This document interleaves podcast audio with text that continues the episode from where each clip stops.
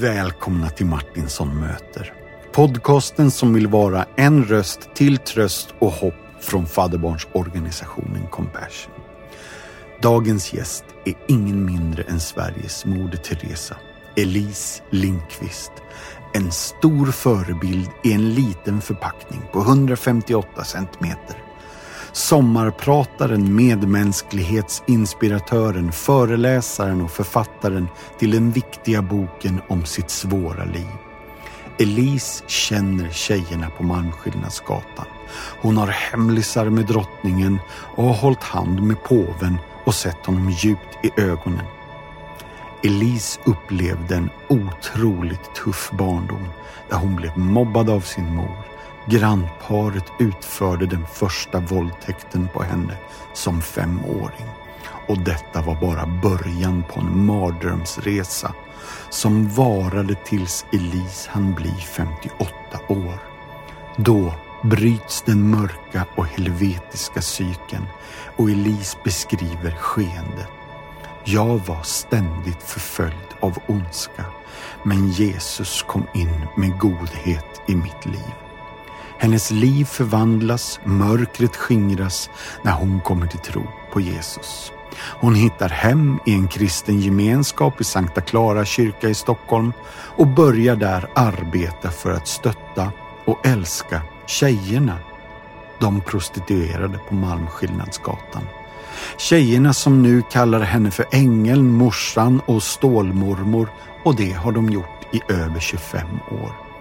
Det här är en svår men ändå hoppfull podd och vi vill med stor försiktig men ändå med frimodighet skina ljus över de mörka sidorna i vårt samhälle som behöver upplysas. För barnens skull.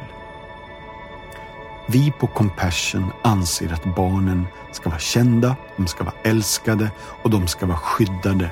Därför sätter vi omsorgen och skyddet av barn på första plats.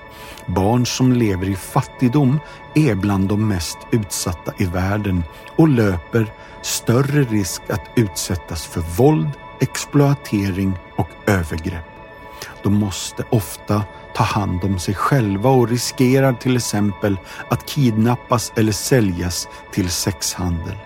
I världens minst utvecklade länder utgör barn en stor del av offren för människohandel.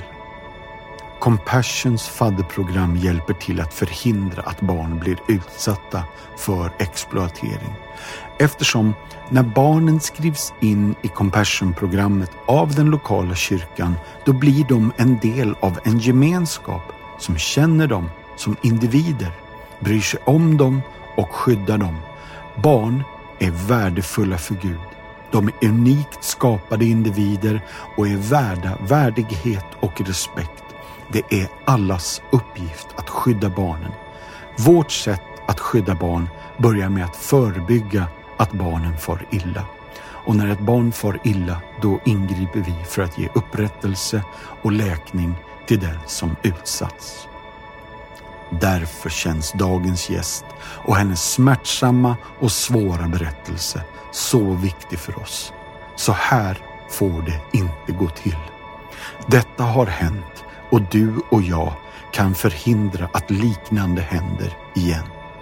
Välkomna till ett vansinnigt viktigt Martinsson möter.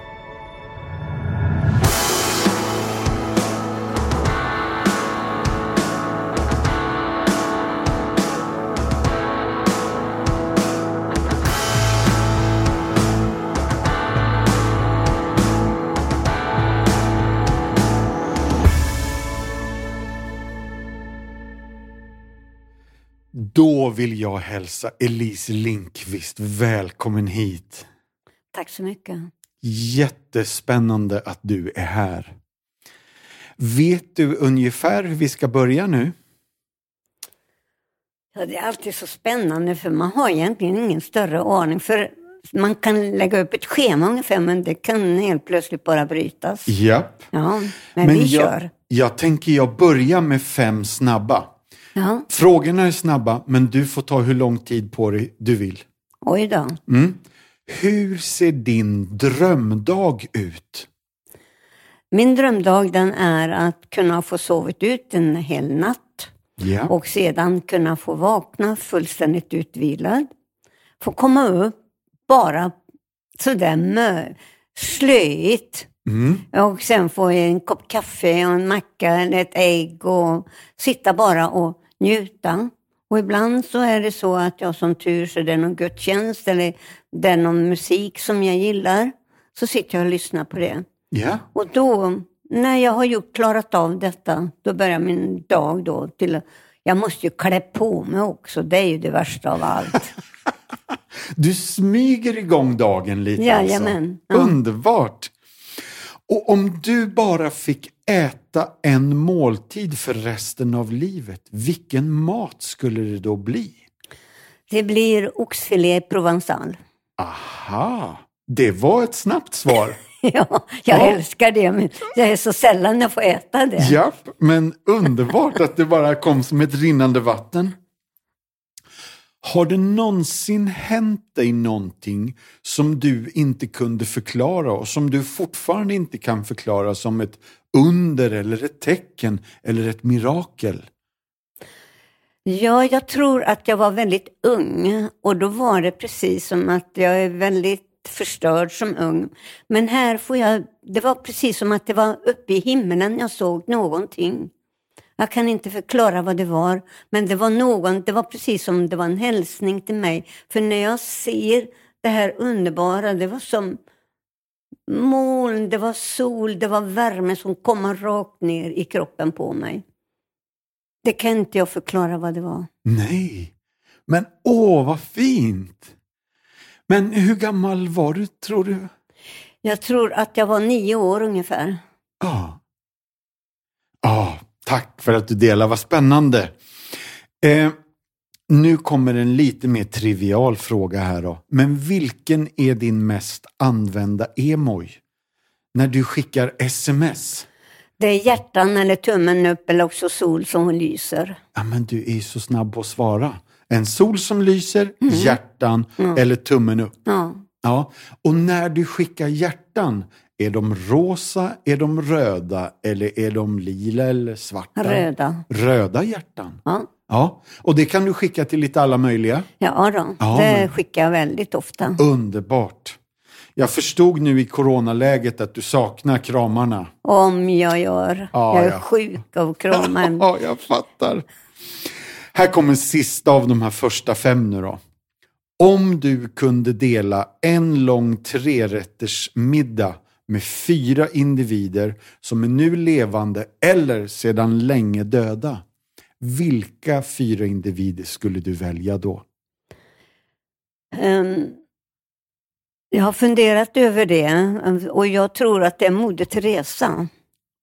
Och sen vill, skulle jag gärna vilja ha min egen pappa som är död för många, många år sedan. Ah, Men jag älskade pappan av hela mitt hjärta. Och sedan så vill jag nog ha påven. Vilken kombination! Ja, det blir det nog. Och sen vill jag nog ha en god vän då som heter Rut Nordström. Japp. Är det advokaten? Ja, hon är ju chefjurist. Just det. Mm. Underbart! det blir en blandning där. Ja, det här blir en jättebra blandning alltså. Ja. Påven och pappa och Moder Teresa och Rut Nordström. Mm. Ja, och ni skulle käka oxfilé?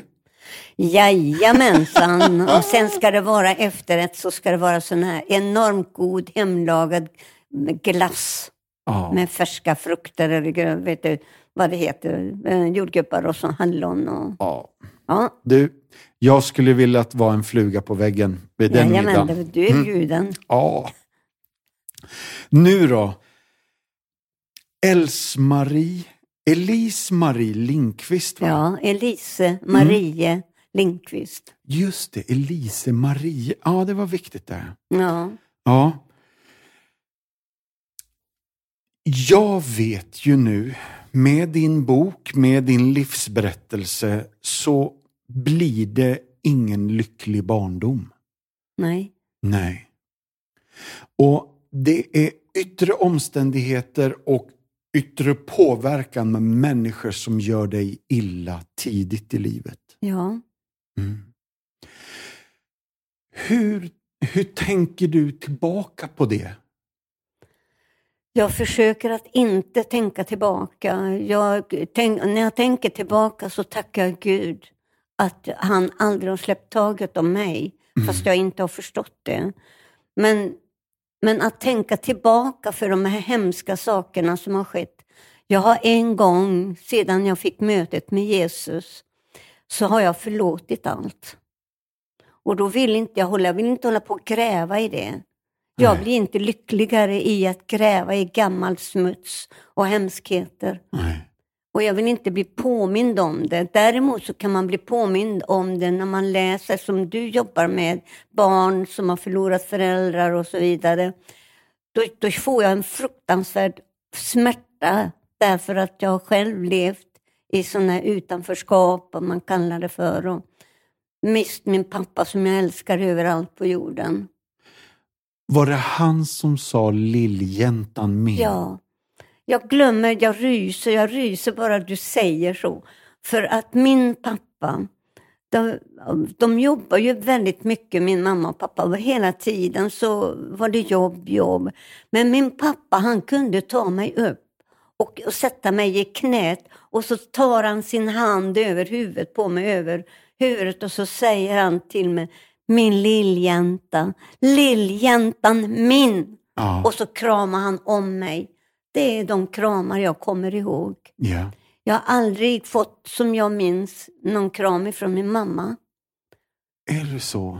Ja, och nu då sedan jag fick mötet med Jesus, då har jag förstått att min mamma, hon har själv varit drabbad av den ondskan själv. Ja. Hon kunde inte visa kärlek. Hon gjorde på sitt sätt. Men Ja. hon var mer hårdhänt. Ja. Men min pappa, han älskade jag. Mm.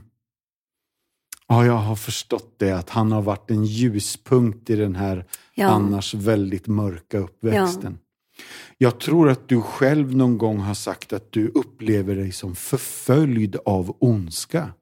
Ja, vad ska man tänka sig? Men jag tror, eh, alltså, jag tror jag föddes till den här världen. Och jag vet inte, men det känns som så, eftersom jag har fått ett förvandlat liv, så känns det som så att jag föddes till ett oönskat, som ett oönskat barn. Det, det är så att det var precis som allting var kallt och kyligt. Du vet, när, som barn märker man och känner, man förstår inte, men man känner. Mm.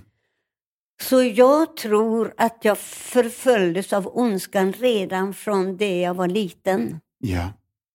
För världen är full av ondska. Mm. Och vi, vi kan inte göra något, jo vi kan, kanske kan hjälpa till att förbättra vår värld. Men här på min tid, jag brukar säga, jag säger till dig nu då, att jag har ju fyllt 85 år. Ja. Och då menar jag, när jag börjar att berätta om min bakgrund och mitt barn, då är det ju på den tiden, Mm. idag, 2000, vad är det, 2001, Ja. ja. Ja, idag är det lite annorlunda, men ändå så har vi barn med, som du jobbar med, med barn som far illa. Mm.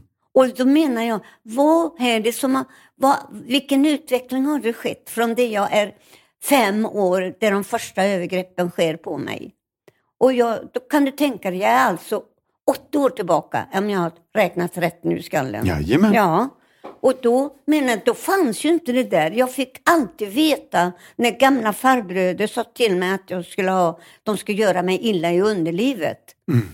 Då, då sa de till mig att sånt här, det gör man med barn och med djur. Att jag får uppleva detta, ser en farbror stå och ha samlag med en ko eller någonting. Alltså, det här var vanligt för mig. Så jag trodde ju att jag föddes till ett sånt liv. Mm. Vad ska man tro när man inte får någon annan undervisning? Och då, glöm inte bort, säger jag igen, glöm inte bort att det är på den gamla tiden. Idag har vi i alla fall börjat att förstå lite grann. Att vara rädda om varandra, vara rädda om våra barn. Men jag sörjer mest för barnen, därför jag själv har haft fruktansvärt. Mm. Ja, det här är så omskakande, Elise. Det är för mig på gränsen till ofattbart att, att man kan överleva allt detta. Från det att du var fem och när du var sju så blev du våldtagen av fem killar tror jag. Ja. Och du hade en magister i skolan som höll på. Det här är... Det var det Ja. mest äckliga. Magistern som ber mig stanna på rasten när mina klasskamrater skulle gå ut och ha rast. Jag Mm. vågade inte berätta. För att då hade jag fått reda på innan av en annan familj som jag hade då fått mat.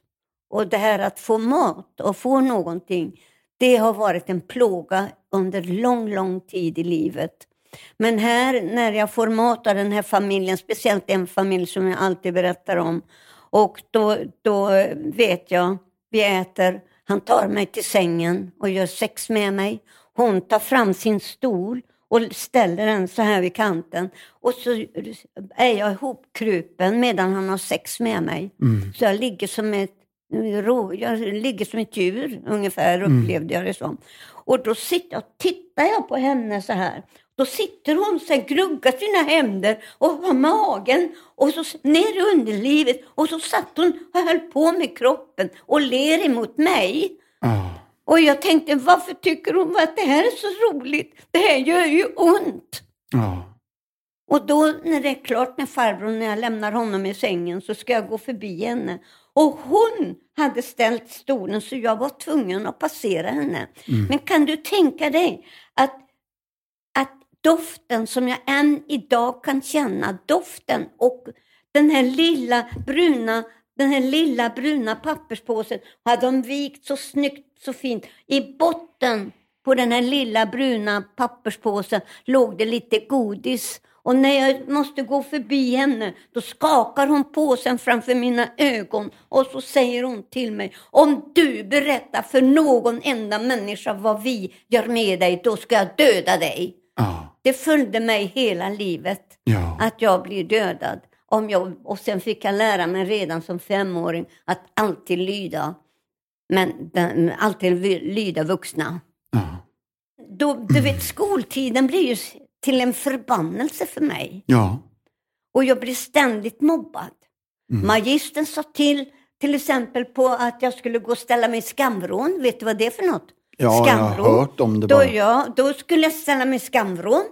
Och jag gör det. Jag går och ställer mig i skamvrån. Och så säger han till mina klasskamrater, nu ställer vi henne, ställer ner som en halvcirkel runt omkring Elise. Och så gör ni så här efter mig.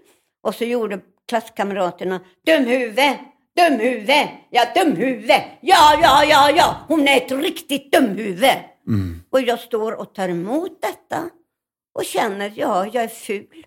För det fick jag veta. Jag är jätteful och jag är efterbliven. Mm. Så här gör man med sådana som mig. Mm. Och då, och då blir med mobbningen och skolan och vuxenlivet. Alltså då man är barn nu då, det här är nu barn, och som du nämnde förut då, jag blev lurad in i skogen och man klär av mig naken och de eh, fem killar våldtar mig. Ja. En efter en. Och så tar de upp, de andra killar, unga killarna står och skrattar och tycker det är jättehäftigt. Och tar upp grus ifrån backen. Och så börjar de, börjar de och gni med sanden så här på kroppen på mig. Ja. Medan han har sex med mig. Och så turas de om hela tiden och står och skrattar. Och sen när de var klara, killarna var klara så gick de ifrån mig där jag ligger naken.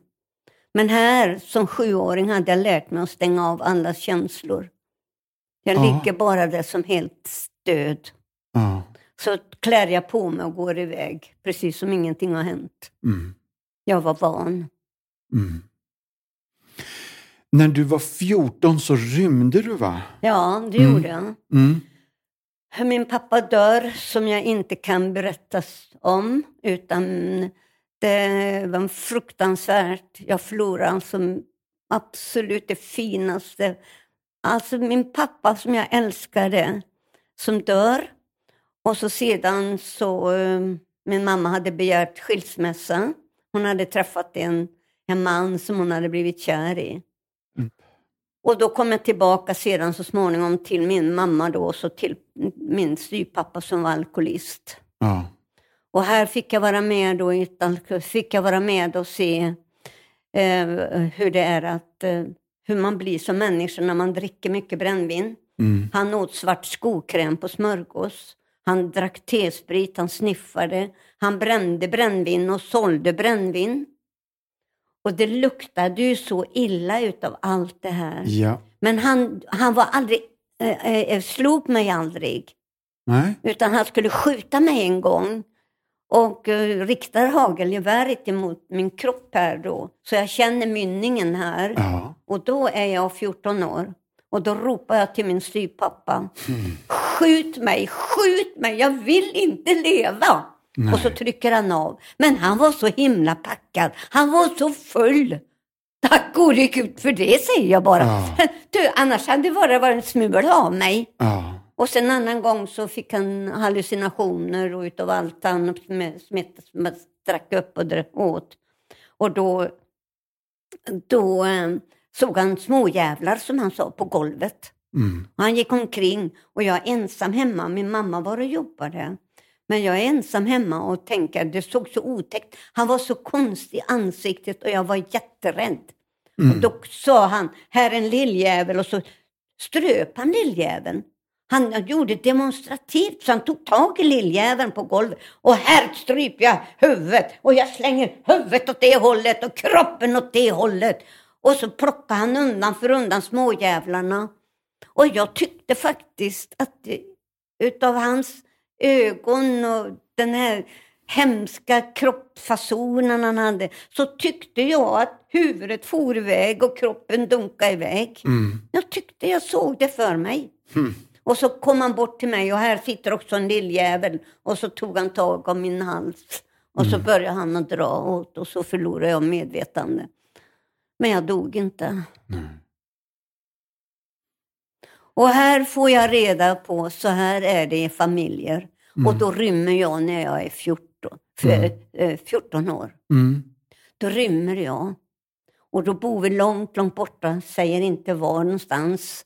Det står inte i boken, ingen vet egentligen varifrån jag kommer. Nej. Nej, det är spännande bara det. Mm. Men här kommer jag då till...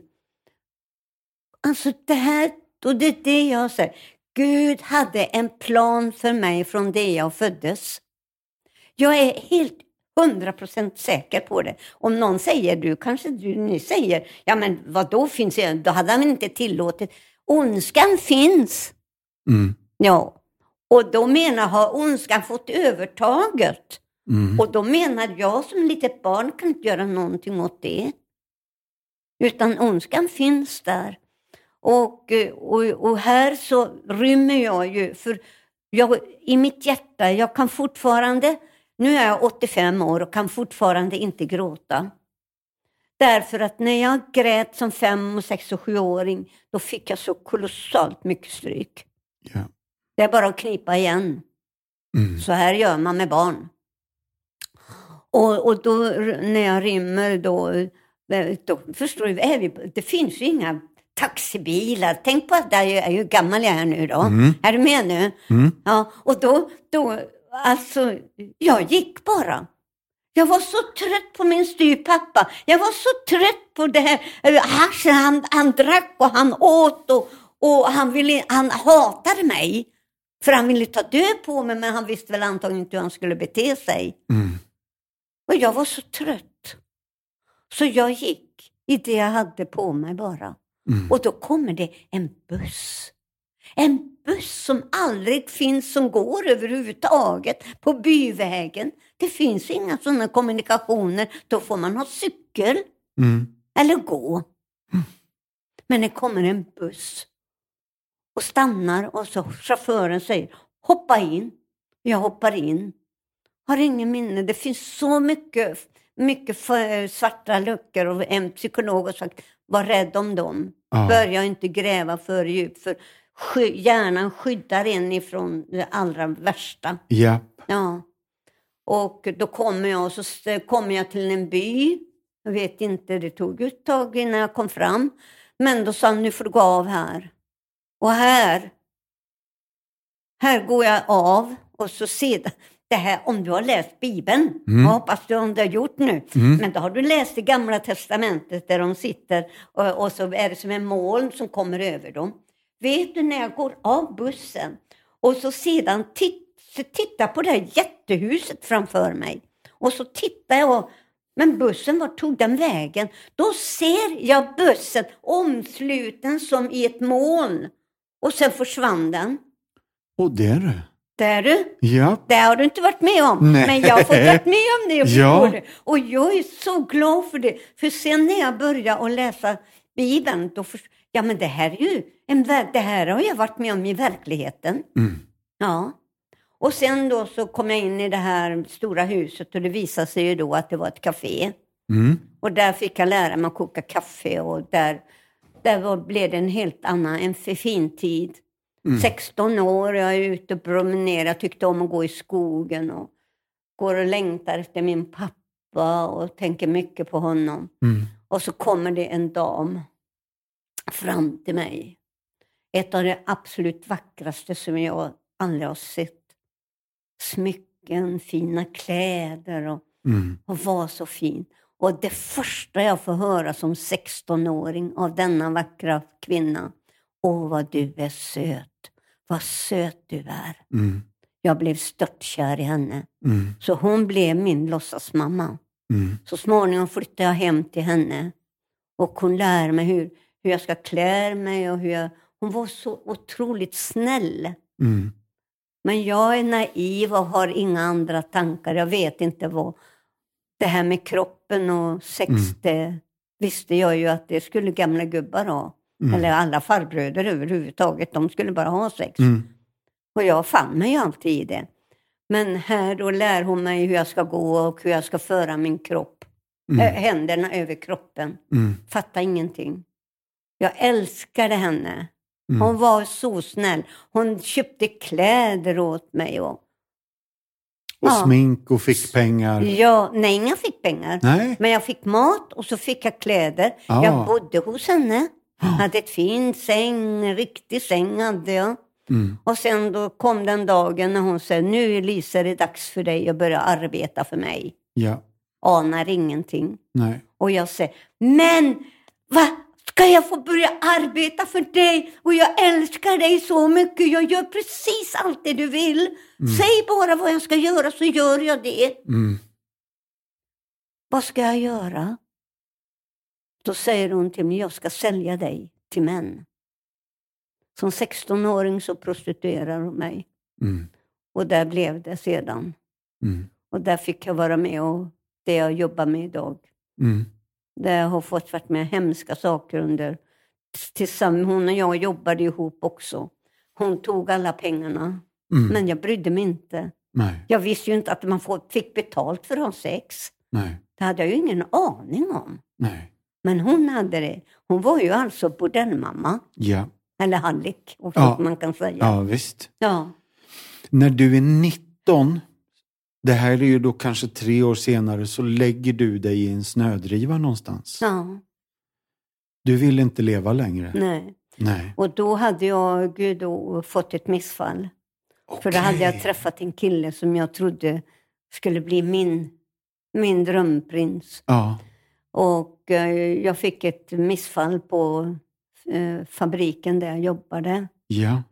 Och här då så kommer han då, min drömprins, så kommer han och, och då berättar jag att jag hade, jag visste ju inte vad missfall var ens en gång. Nej. Och då så säger han till mig, och du tror att jag vill ha dig, du din jävla hora. Och så gick han. Här hade jag byggt upp någonting som jag tyckte han var så fin, han var så snäll, han var så... Ja, nej. Och då när jag kommer hem från sjukhuset och är helt förtvivlad, pappa fanns inte i livet. Men jag hade ju ingen egentligen. Mm. Och sen så gick jag då i byn där jag bodde då, så var det full vinter, så då gick jag och la mig i en snödriva. Mm. Tittade upp mot himlen och sa då till stjärnorna att ta mig, jag vill inte leva. Nej. Och så kom det två stycken då som såg mig tydligen då och fråg, tog upp mig då från snödrivan och tog mig hem och fick masserat upp mig så jag fick liv i kroppen. För jag Mm. var väl på väg att dö nästan. Mm. Ja. Och här då så fick jag hjälp av dem. Mm. Men jag var arg. Jag var fruktansvärt arg att de hade väckt mig till livet. Ja. Ja, du förstår vad jag var ilsken. Mm. För jag ville ju inte leva, för vad hade jag leva för? Mm. Så där började den. Men det var en, det är en tuff period, mycket tuff period. Mm. Jag har förstått att du gick till läkare som inte brydde sig och en psykolog som somnade. det, det är otroligt. Ja, men det låter... Alltså... och, och det skulle vara, skulle vara idag så skulle de ju bli anmälda. Men då säger jag, kom jag till den här läkaren och kan du tänka dig så många år som det var eh, efter det här. Då sitter han då i en sån här, eh, det är ett sånt här stort bord då, så ungefär som här, ekbord. Och han var väldigt kraftig, stor mage hade han och, och vit rock vet du, så man har full respekt för den här Mm. mannen. Och undersöker, men han säger inte ett ord under undersökningen. Och jag, jag väntar, jag vågar ju inte fråga. För det gör man inte med vuxna människor, man frågar ingenting. Jag gjorde inte det. Men det konstiga i det här, det var att när jag då hade klätt på mig och så, han sitter vid sitt stora skrivbord och så sitter han nerböjd då så här och skriver. Mm. Och så sen tar, kan du tänka dig, sitter, sitter i skallen på mig. Då tar jag i dörrhandtaget och Mm. vänder mig emot doktorn. Och så säger jag så här, jo doktorn, jag är en hora. Jag är en call girls. Och så tittar han upp ifrån det han satt och skrev. Och då säger han till mig så jaså, jaha, adjö! Ja. Och du vet, det var bara att gå. Jag Ja. vågade inte göra någonting. Jag gick. Han tog inte tag i mig och satt mig på stolen och undrade vad är det som har hänt där. Nej. Han skulle ha sett att mitt underliv var trasigt. Ja. Och sen då nästa dag som du sa här med psykologen, jag har ju varit då, men de här två, de har liksom fastnat hos mig. Jag är djupt nedgången här. Mm. Och jag vet inte vilken ålder jag är i nu. Den- Någonstans i 19, 18, 19, 20 någonting. Mm. Och då, är jag, då sa de du måste gå och få pratat med någon. Ja. Men jag visste inte vad då prata med någon. Man kan ju inte prata med någon. Nej. Men alltså, jag är ju så nerklämd så att eh, jag hade inget människovärde. Nej. Och då så menar han på att jag skulle gå till en psykolog. Och då förklarar han vad en psykolog var för någonting. Så Mm. jag går dit och får en tid och så vidare. Och så sitter jag då och ska börja och jag har ju inte en aning om vad ska jag säga. Då sitter psykologen med handen så här. Eh, Kinden mot Ja. handen Ja. och karmstolen. Och så vet jag, ja då heter jag så här och jag mår nog inte så bra men... Och så somnar han Mm. och hör hur han snarkar. Så jag lämnar den sovande psykologen, går ner för trapporna Mm. och så går jag och ställer mig med trottoarkanten och så kommer en bil. Ja. Och så tänker jag, nu väntar jag på bilen. Och så skulle jag hoppa precis. Och precis när jag skulle till att hoppa så suger någon tag i mig. Det bara kommer någon. Jag Ja. har ingen aning. Och drar upp mig så att jag inte blir påkörd. Ja. Jag vill inte leva. Nej. Någonstans, kanske lite senare, så gifter du dig och får en dotter. Mm. Men det, livet gör fortfarande ont. Ja, från det jag är 19 ända tills jag då börjar bli 20-25 någonstans där. Tror jag då em, hade jag ju haft många förhållanden. Mm. Men det var alltid utsatt för våld. Ja. Jag var alltid våld, jag alltid misshandlad. Jag var så misshandlad en gång när jag kom till sjukhuset de visste inte hur de skulle få ihop mig nästan. Så trasig. Mm. Ja, så, men jag tog all, alla smällar. Jag visste ingenting annat, för då fick jag nya tabletter. Så redan när jag är vid 19-årsåldern, till jag var då, skulle bli 57 år, så är jag fullständigt neddrogad. Ja. Värktabletter, lugnande och Ja, sömnpiller. sömntabletter, allting som Mm. gick att äh, svälja. Kombinerat med lite brännvin också. Ja, jag Mm. köpte, gick till Systembolaget och köpte Koskenkorva och så tog jag tabletter i handen och så in i munnen och så i flaskan emot munnen. Jag har läst någonstans att du inte skrattade förrän du var 58. Mm. Det skrattet har du, nu tycker jag om, det har du väl märkt tror Ja. jag. Jag älskar det här och jag älskar det här nya livet. Ja, och det här är viktigt. För jag sa ju när du föddes, men jag sa inte det första livet, men det har varit en återkommande grej. Berätta om det första och sen också det andra livet här nu då. Ja, nu är vi inne på det andra livet. Mm. Och det är ju då att jag kommer alltså, då är jag så nedgången i mitt knark och mitt beroende. Jag har börjat att hata, så starkt hat emot män särskilt. Och så starkt hat emot människor. Och livrädd för människor. Så jag, jag var ju väldigt, jag var ju sjuk i huvudet.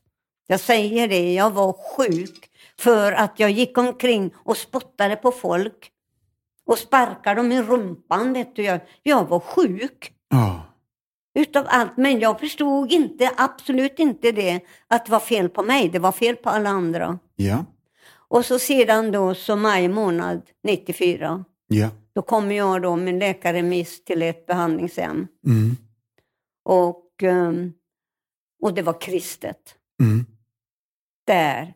Och då ville jag fly. Jag försökte göra så att jag kunde smita därifrån. Och det här ville jag inte vara. Och det var så mycket konstiga tankar. Men det gick inte.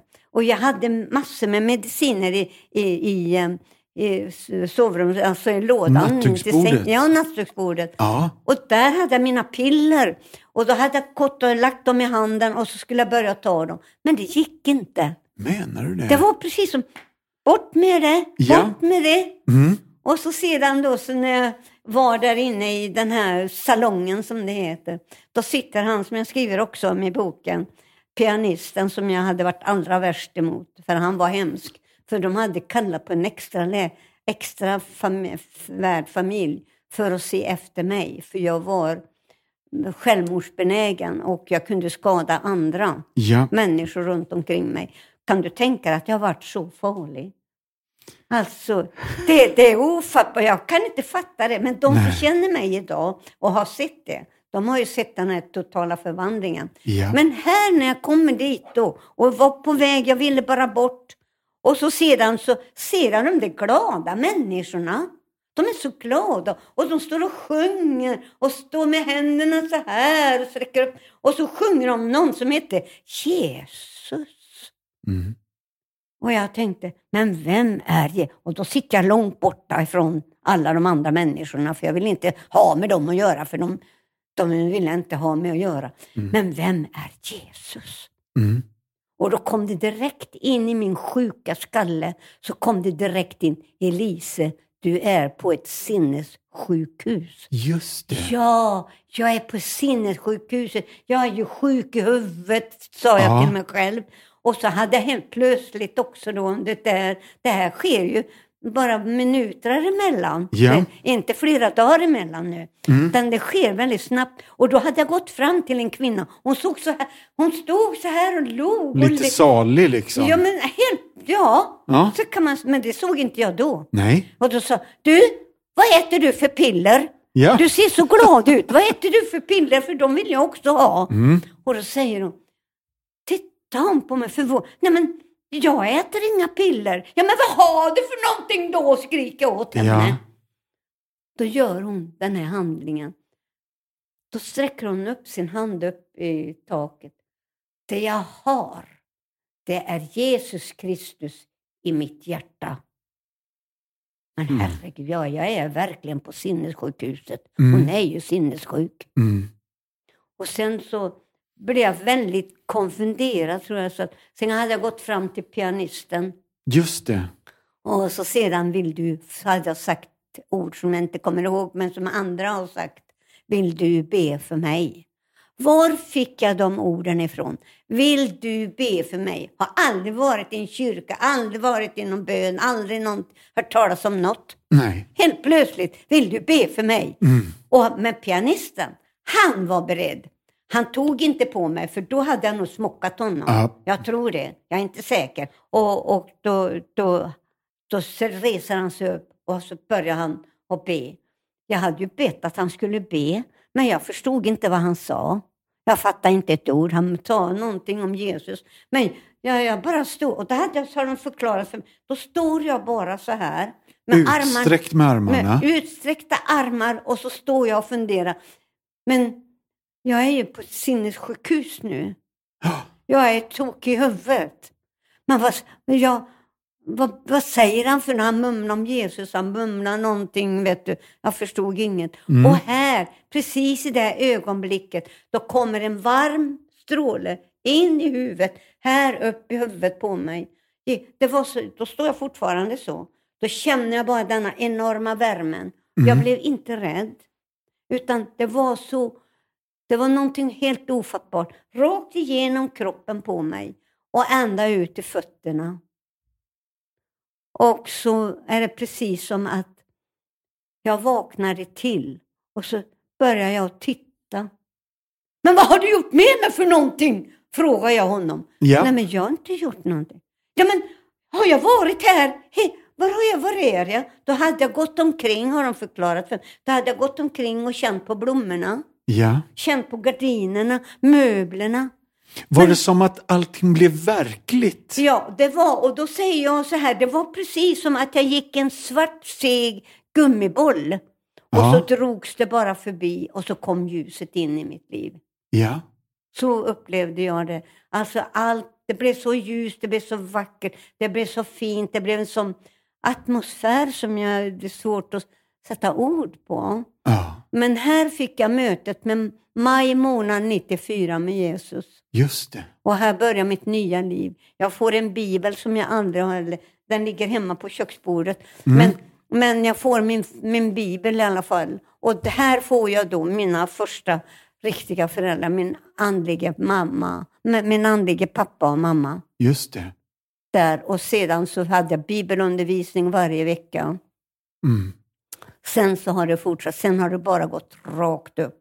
Mm. Sen har jag fått verkligen varit med om, jag behöver inga droger, jag behöver inte.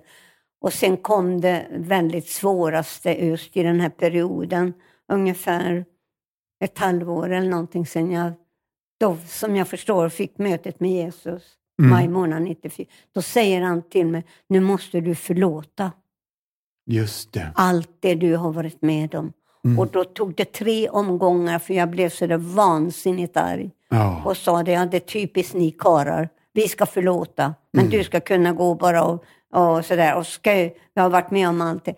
Ja, och sen då, han, han lät mig vara arg. Han sa ingenting, utan han, Nej. han var så förståndig, min andlige pappa. Mm. Och sen så gjordes det tre gånger, för då började, när jag kom hem så började jag läsa i, gamla, i testamentet, i gamla testamentet och nya. Saltaren 91 fastnade jag för väldigt mycket och Ja. Saltaren 23 och, och så började jag läsa Matteus 25 och, och då började jag, men, men Saltaren 91, det är mycket om förlåtelse. Och då kommer jag tillbaka till honom och säger, ska vi försöka men jag är livrädd. Ja. Kan vi göra ett försök men är du beredd på att vad som helst kan hända nu? Så vi börjar våra knän hemma hos honom. Mm. Och så sedan så började han då be. Då hade jag ju börjat att lära mig sånt också. Mm. Och här medan lig- ligger på knä, och det har jag fått bekräftat, då är det precis som en film som kommer för mig. Det är små, små bilder. Den första bilden jag ser så är det jag som femårig flicka med en farbror som våldtar mig och jag svimmar. Mm. Jag skriker rakt ut, förlåt honom, han visste inte vad han gjorde. Sen kom nästa bild med våldtäkterna och så nästa och nästa. All, alla bilderna som jag fick, den här synen, så skriker jag, förlåt honom, visste inte vad han gjorde. Oj. Jesus hänger på korset Mm. och ropar, förlåt dem, de vet inte vad de gör. Exakt så blev det för mig också. Jag får förlåt. Och då förstår du, här sker ett stort under. Mm. Då är det när jag hade gjort allt det här, då är jag helt utmattad.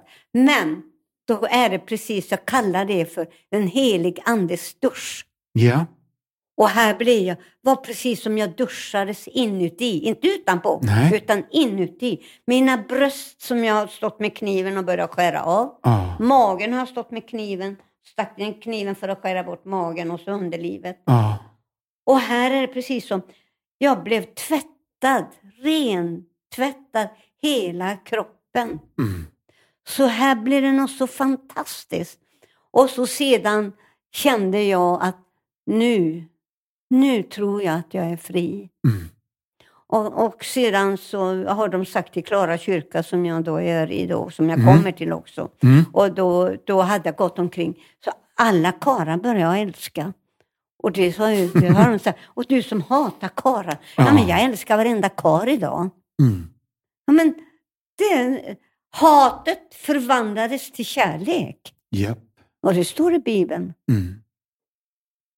Men nu har jag pratat mycket. Ja men du, Nu, det nu, är nu. så spännande. Nu får du fråga. Men, men sen då när jag kommer till Klara kyrka då. Mm. Och då får jag lära mig att bre smörgåsar. Det var Karl-Erik Salberg då. Ja. Som, eh, som jag då har följt och han har följt mig. Och, Mm. och eh, han lärde mig jättemycket, Karl-Erik. Mm.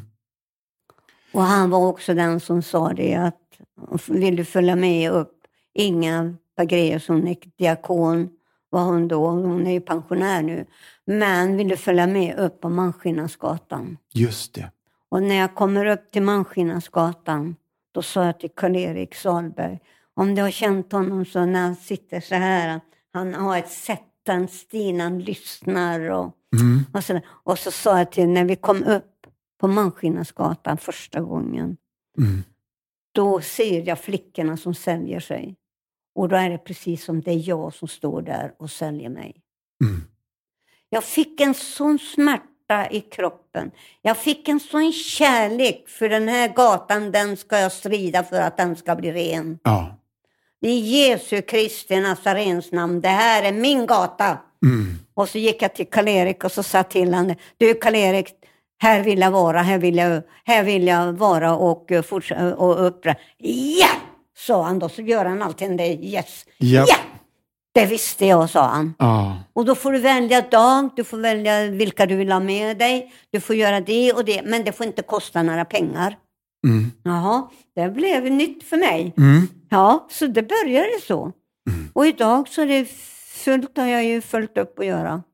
Och det är 25 år nu. Ja. Och du har fått bort många tjejer ifrån Ja.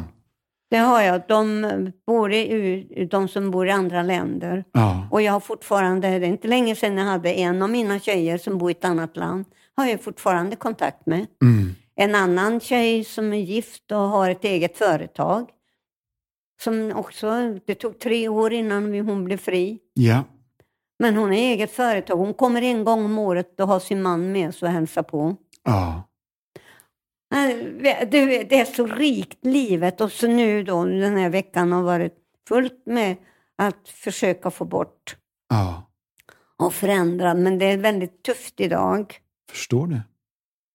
Och sen är jag jätteglad att Gud, från att ha varit en person som har varit efterbliven och ful. Vet du, jag måste få berätta en rolig grej. Mm. Det när, du duschar också, eller hur? Ja, men det händer. gör- Och då duschar jag då. Det här är ett tag sedan.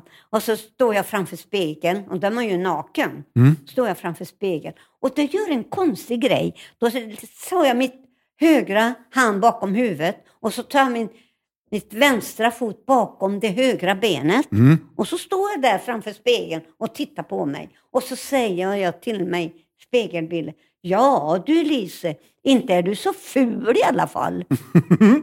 och jag tänkte, vad säger jag? Har jag fått så, ja, Mm.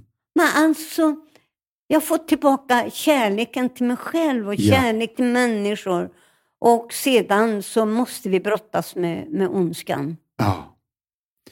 Och det är så häftigt tycker jag att du säger att det här är min gata. För någon annan har nog sagt att det där är djävulens gata. Ja. Mm. Så det är så häftigt att du är med och återerövrar och du pratar om de här tjejerna och kallar dem för mina flickor. ja, Det är bra. det är det. Jag hörde att du skulle fika med 14 prostituerade och blev hotad av en hallick. Ja. Ja. Både knivhot och pistolhot eller? Ja, jag har haft båda deras och så, så innan det här på Drottninggatan var, för det är ju fyra år sedan tror jag va? Det är det nog ja. Ja, och eh, då var det sju killar som polisen hade varnat oss för. De kom från ett eh, afrikanskt land. Jag har aldrig sett så svarta killar någon gång. Men de var väldigt farliga. Så de här killarna, de visste vi att vi skulle vara försiktiga. Vi skulle larma polisen och så vidare. Men det är en annan grej. Men sen då så fredagen därefter igen, då kommer, då är det så kallt för klockan är väl ett, två på natten ungefär. Då är det kallt, jag ska gå in i tunnelbanan för jag måste ta på mig en tjocktröja. Och då kommer de här springandes upp för trappan. Rullbandet går ju ner så. Och så det andra går ju upp så, eller hur? Och så är det trappor vid sidan om. I alla fall där jag står. Mm. Och då se, ser jag dem. Men hinner inte reagera. För att en av killarna kommer nerhukad med full fart och kör huvudet i mellangärdet på mig. Så jag snurrar runt. Det var sån kraft så jag snurrade och ramlade med huvudet något, rakt ner i rulltrappan som gick. Men, Och det här är precis som någon, ja, det är så fantastiskt, det är precis som någon lyfter upp mig.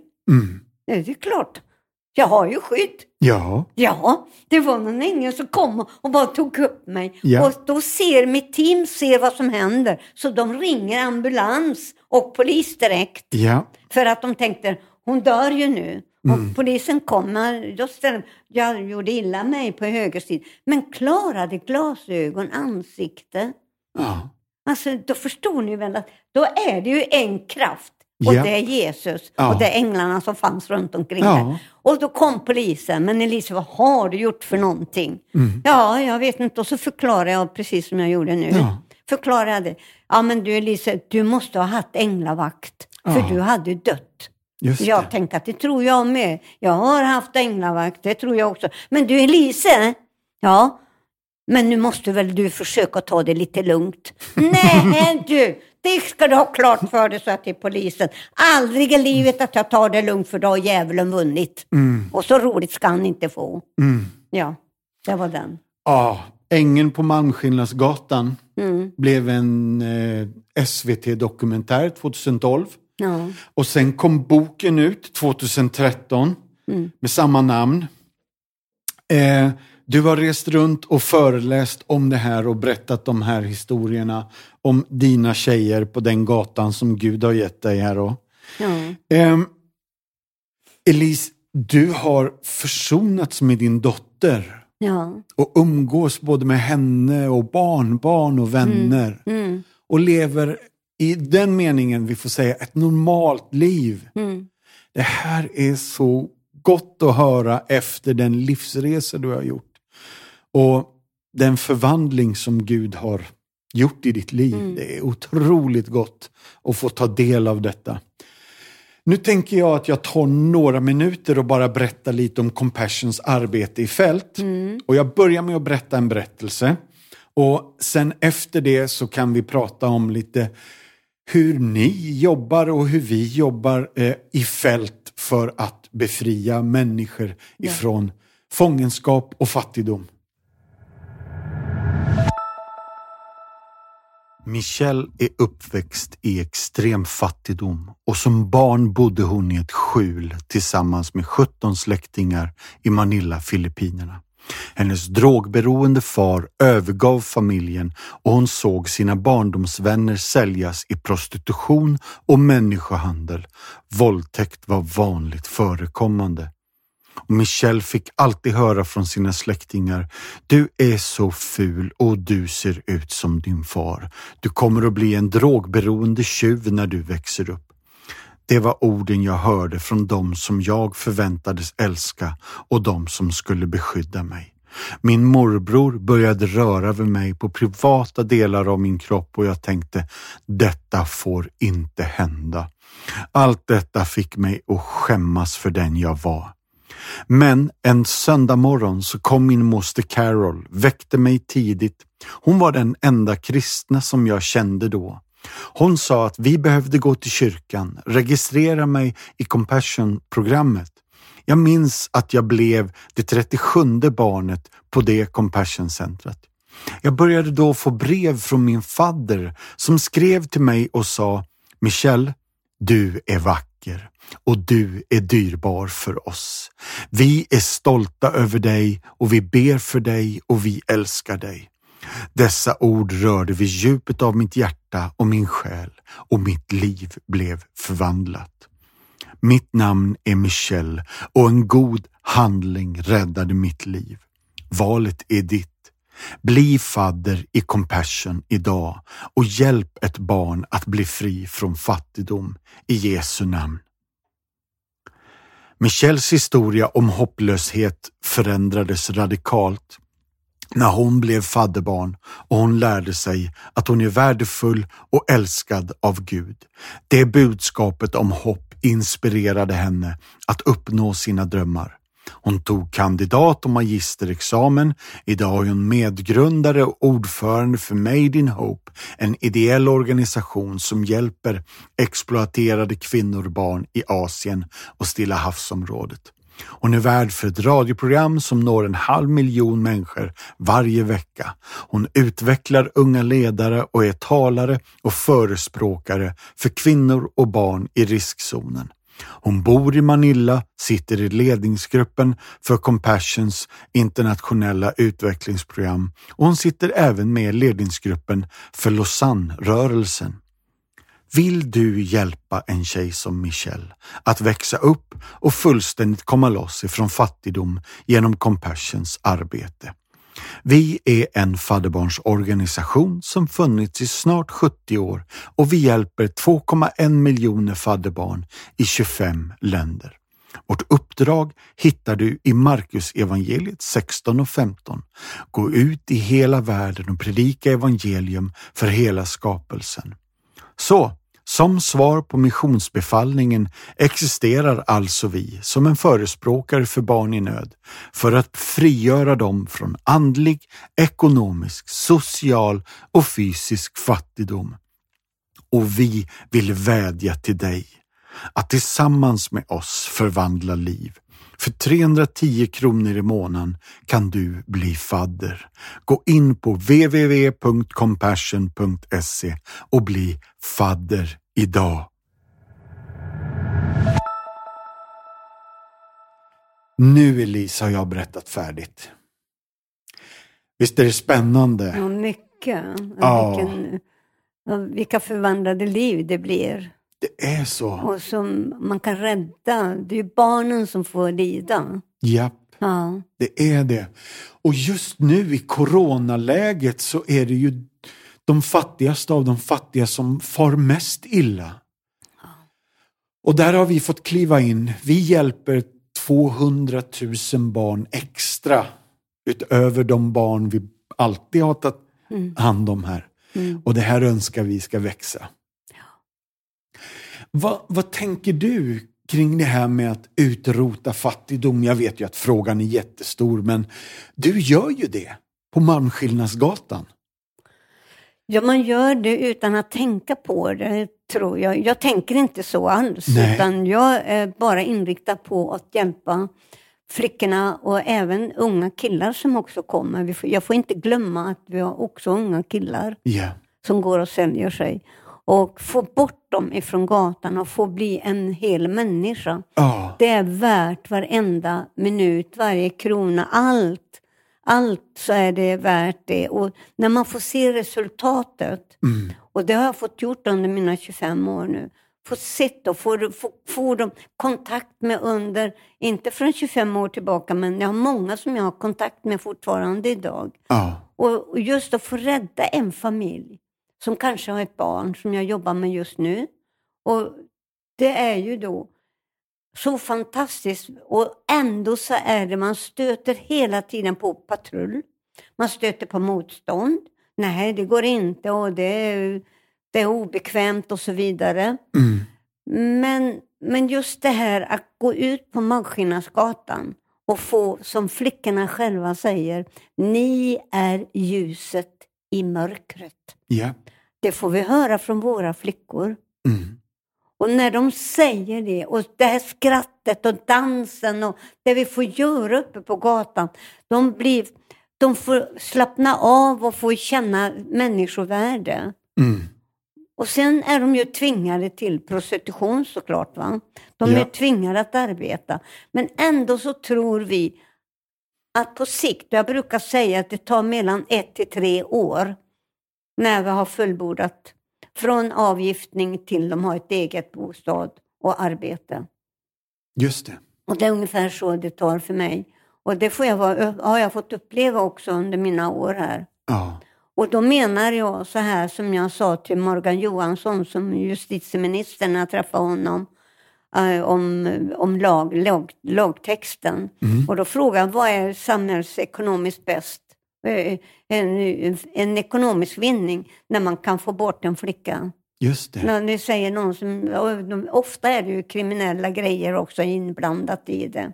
Man har kanske en hallick som är kriminell, så det vet vi, det vet jag ju redan om.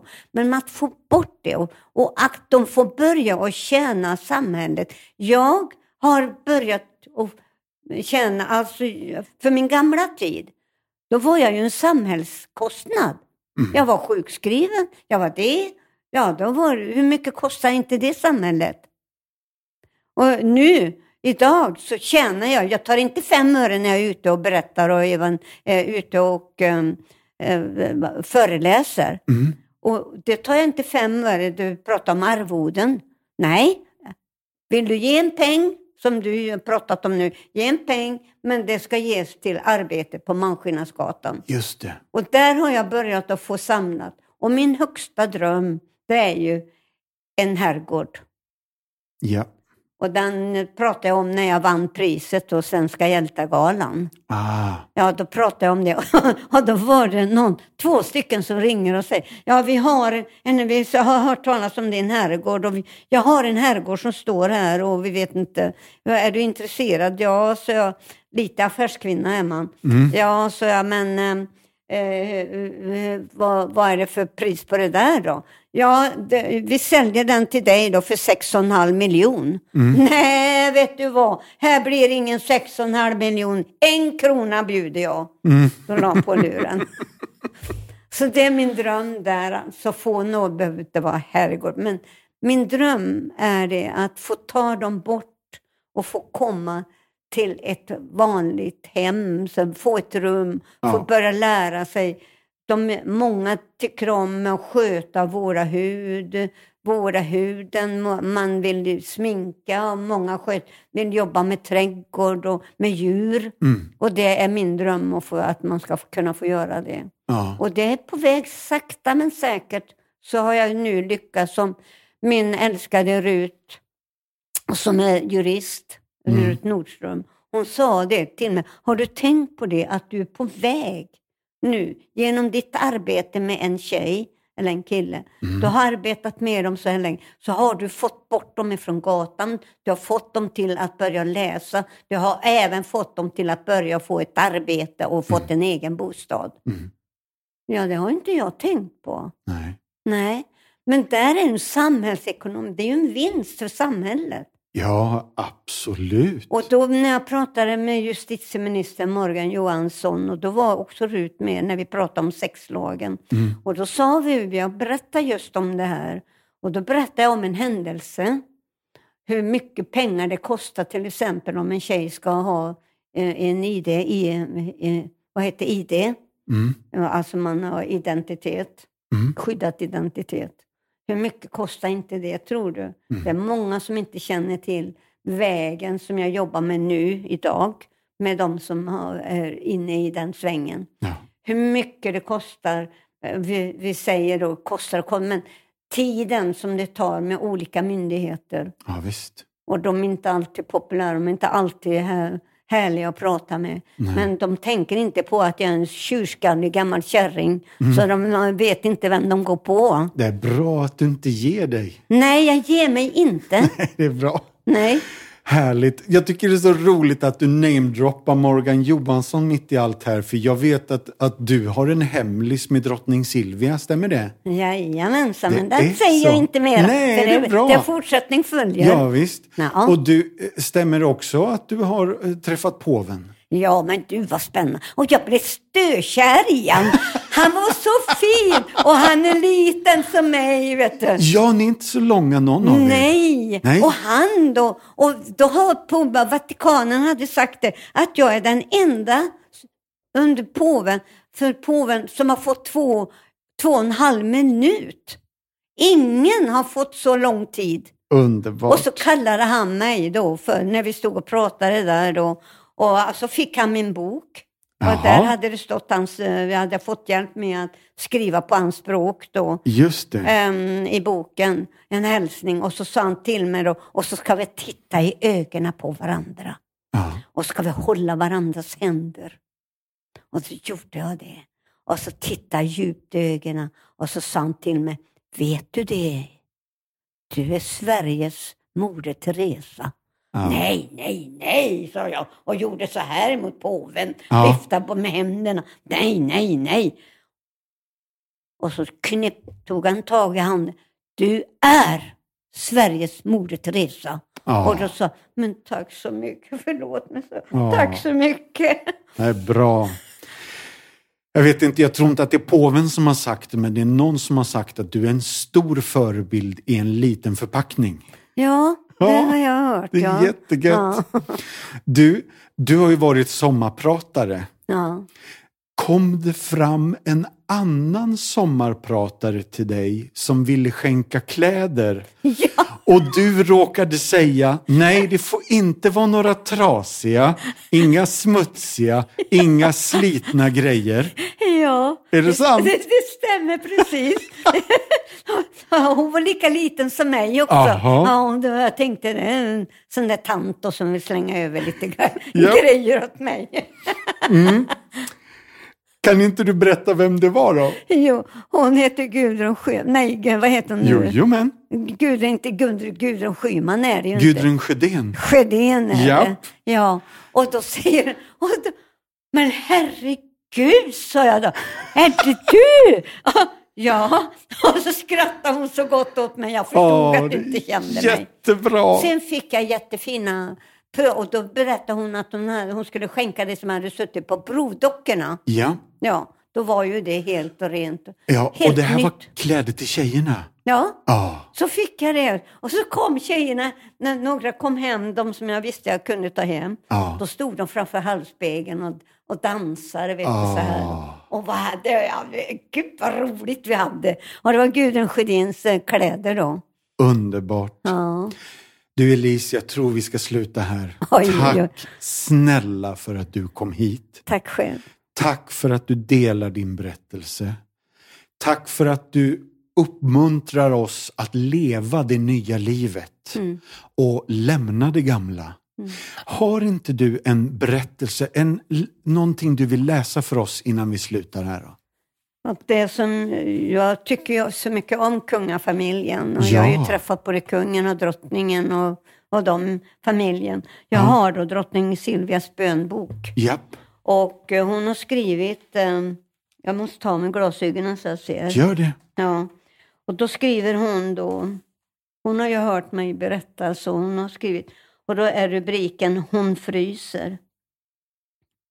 Varför ser ingen hur blå hennes läppar är under sminket?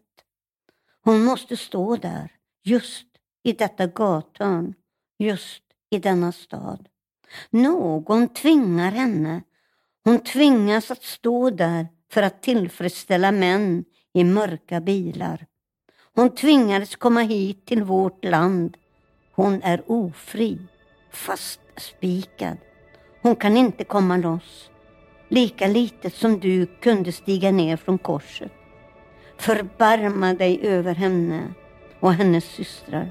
Varför kommer ingen och lägger en varm filt om hennes tunna skuldror. Sänd någon Gud, ge henne en strimma av ljus och hopp och bevara oss från likgiltighetens blick när vi möter henne. Slut för idag och tack för idag allihopa. Vill du veta mer om det som har pratats om i podden så har vi något på vår hemsida som heter Show Notes.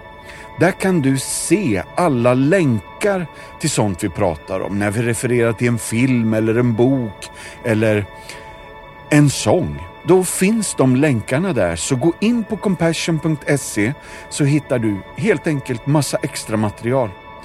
Tack, ha det bra, bye bye, hej då!